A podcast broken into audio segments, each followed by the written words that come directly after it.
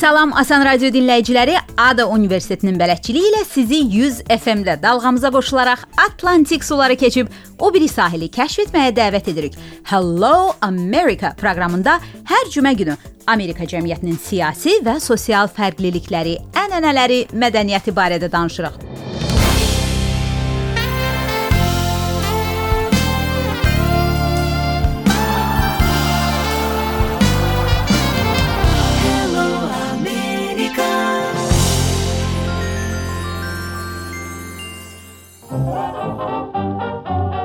Sizinlə noyabrın ilk həftəsində görüşürük.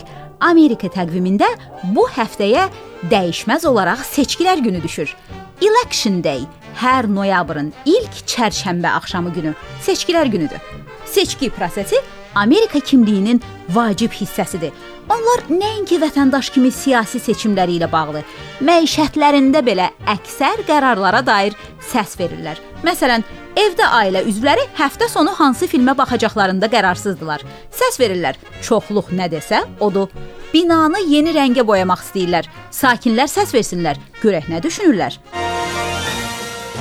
Noyabrın ilk çərşənbə günü isə ictimai vəzifələrə seçkilər keçirilir. O cümlədən federal, ştat və yerli hakimiyyətə. Ölkə prezidentindən tutmuş məktəb şurasınadək Amerikalılar öz təmsilçilərini noyabrda müəyyənləşdirirlər. Federal və yaxud bizim anlamımızda milli seçkilər yalnız cüt illərə təsadüf edir. Ştat və ya yerli seçkilər isə cüt və tək illərə də təsadüf edə bilər. Seçki günü bəzi ştatlarda bayram günü hesab edilir. İş və dərs yoxdur. Digər ştatlarda isə işçilər iş günü ərzində səsvermə məntəqəsinə getmək üçün icazəlidirlər. Bu vaxt ödənişli iş gününün bir hissəsi hesab edilir. Hər ştat səsvermənin necə keçiriləcəyinə dair proseduru özü müəyyənləşdirir. Məsələn, Oregon ştatında bütün səsvermə bültenləri poçtla göndərilməlidir. Bəzi ştatlarda isə səsvermə yalnız məntəqələrdə baş verir.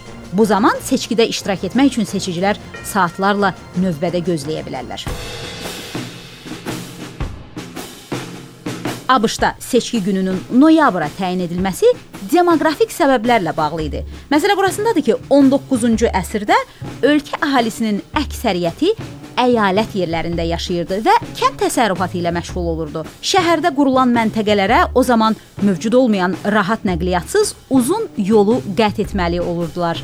Noyabr ayı daha uyğun idi, çünki məhsul dövrü bitirdi, dekabrın soyuğu isə hələ başlamamışdı. Beləliklə əhali rahat gəlib seçkilərdə iştirak edə bilərdi. Bazar günü əksəriyyəti xristian olan Amerikalılar o zaman kilsəyə gedirdilər. Ona görə də yola çıxa bilməzdilər. Birinci gün seçki məntəqəsinə məsafəni qət etməyə, ikinci gün isə gəlib seçkilərdə iştirak etməyə sərf edə bilərdilər. Beləliklə seçki günü noyabrın ilk çərşənbə axşamına düşdü. Amerikanın təmsilçilik demokratiyasının 243 yaşı olsa da, onun bütün vətəndaşları səsvermə hüququndan yalnız ötən əsrin ikinci yarısından istifadə edə bilir. Çünki 1920-ci ilə qədər siz ağdərili kişi deyildinizsə, səsinizin heç bir əhəmiyyəti yox idi. Qadınlar rəsmi olaraq yalnız 1920-ci ildə Afrika mənşəli Amerikalılar isə 1965-ci ildə qanunvericiliyə edilən dəyişikliklər əsasında səsvermə hüququ qazandılar.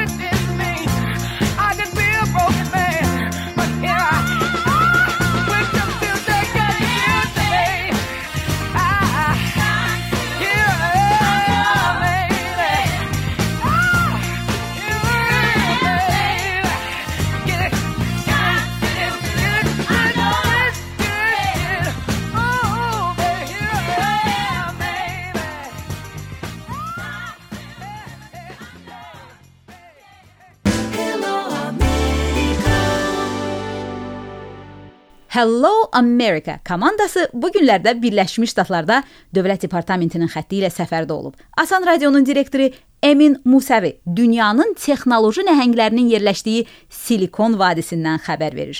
İnnovativ texnologiyalar digər sahələri necə dəyişdirir? Məsələn, kənd təsərrüfatını. Gəlin dinləyək. ABŞ-ın iqtisadi cəhətdən ən zəngin ştatı ilə tanışdığımız davam edir. Kənd təsərrüfatı Kaliforniya gəlirlərinin cəmi onda birini təşkil etsə də, bütün Amerikanın meyvə-tərəvəz təchizatının tən yarısı burdan gəlir. Ştatın ərazisində yerləşən 80 min fermada 400 müxtəlif qida məhsulu istehsal edilir. Üzümü və şərabları çoxdan bir brendə çevrilib. Süd məhsulları barədə isə məşhur reklam misrası var. Əsl süd xoşbəxt inəklərdən alınır. Xoşbəxt inəklər isə Kaliforniyada yaşayır. Great milk comes from happy cows. Happy cows come from California. Burada kənd təsərrüfatı digər sənayelərlə əlaqəlidir. Elə götürək turizmi. Kiçik Karmel şəhərində yerləşən Mission Ranchosu tarixi fermadır. Bu gün öz ənənəvi fəaliyyətini davam etdirir, lakin o fermadan daha çox lüks restoran kimi populyardır. Bu fermanın sahibi bilirsiniz kimdir? Qocaman, çox sevilən, əfsanəvi aktyor Clint Eastwood. Clint Eastwood haqqında keçən ə, süjetlərimizdən birində danışmışdıq. Alcatrazdan Qaçış filminin baş qəhrəmanı məhz o idi, əgər yadınızdadırsa. İndi isə ə, bu məkanın konsepsiyası barəsində bir neçə söz demək istəyirəm. Təbiətin qoynunda istirahət edən insanlar buranı seçir. Həm okean görünür, həm gözəl təbiət, həm də istirahət edən insanlar bax burada şam yeməyini çox sevirlər.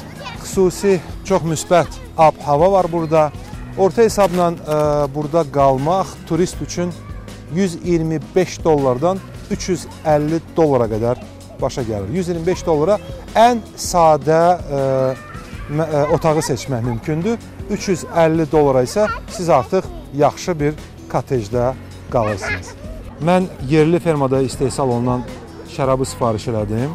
Mission Ranch 2016 dediyim kimi. Bunun qiyməti isə 18 dollardır.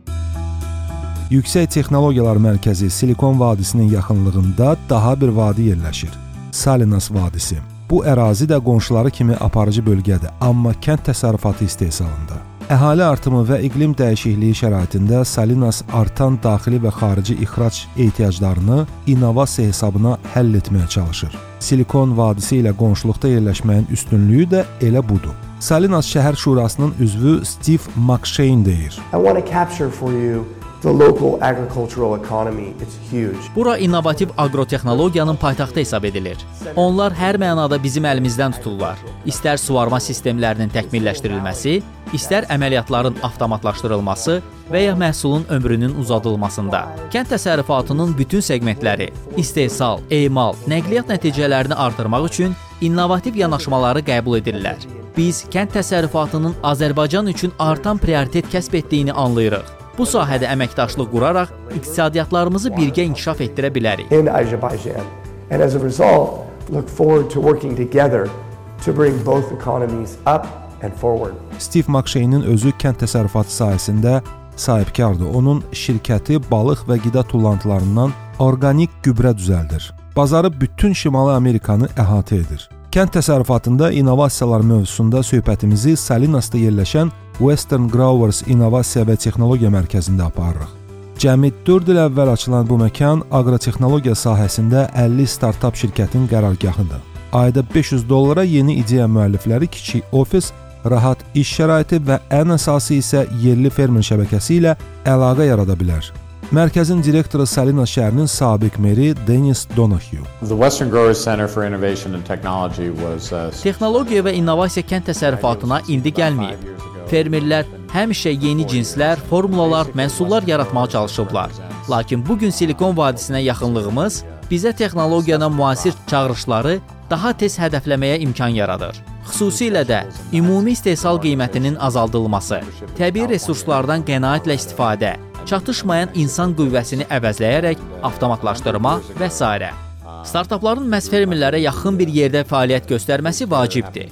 Elm Laboratoriyada təcrid olunmuş qaldıqda nəticələrinin miqyası məhdud olur. Burada texnoloqlar bilavasitə kənd təsərrüfatının bütün oyunçuları ilə tanış olur. Onların ehtiyaclarını anlayırlar həll yolları daha konkret və səmərəli alınır. Biz onları öz prioritetlərimizə, qida təhlükəsizliyi, istehsal prosesində data təhlili kimi istiqamətlərə yönləndirə bilirik. Silikon vadisindən fərqli olaraq Salinas vadisində innovativ nəticələri görmək üçün bir neçə məhsul dövrünü gözləməli oluruq. Beləliklə texnologiyanın kənd təsərrüfatına çarə tapması üçün startaplar əvvəl bu sahəni anlamalıdırlar. Aradakı məlumatsızlıq isə günü-gündən artır. Əgər ötən əsr Amerika əhalisinin 60%-i əyalətlərdə yaşayırdısa, bu gün ölkə əhalisinin cəmi 20%-i ferma şəraitini hərdən bir görür. Əksəriyyətin istifadə etdikləri qidanın hardan gəldiyi barədə təsəvvürü belə yoxdur. Bu boşluğu Monterey şəhərində keçirilən həftəlik kənd yarmarkası doldurmağa çalışır. Hər ikinci gün mərkəzi Alvarado küçəsi nəqliyyata bağlanır və burada quraşdırılan ağ çadırlarda meyvə tərəvəzdən tutmuş heyvanlaradək hər şeyi almaq, dadmaq və öyrənmək mümkündür. Şirələr təbii yolla hazırlanır. Biz indi dadına baxacağıq, sonra birini alıb içəcəm. Düydən və darçından hazırlanan şirədir. Maraqlıdır dadı necə olacaq. Mango daha ənənəvidir. Hi. I want to taste this please. And I will buy later. Horchata, yeah? Horchata. From Mexico? Yes. Yummy. Thank you, sir. Əgər pul xərcləmədən yemək istəsəniz, bura mütləq gəlin. Həm ziyarət, həm ticarət çox maraqlıdır.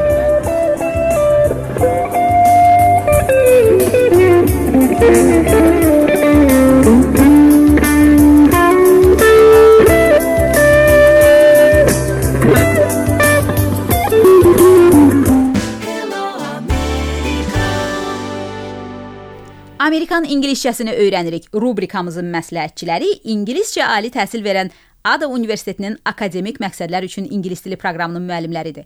Noyabrın ilk həftəsi Amerikalıların seçki günüdür.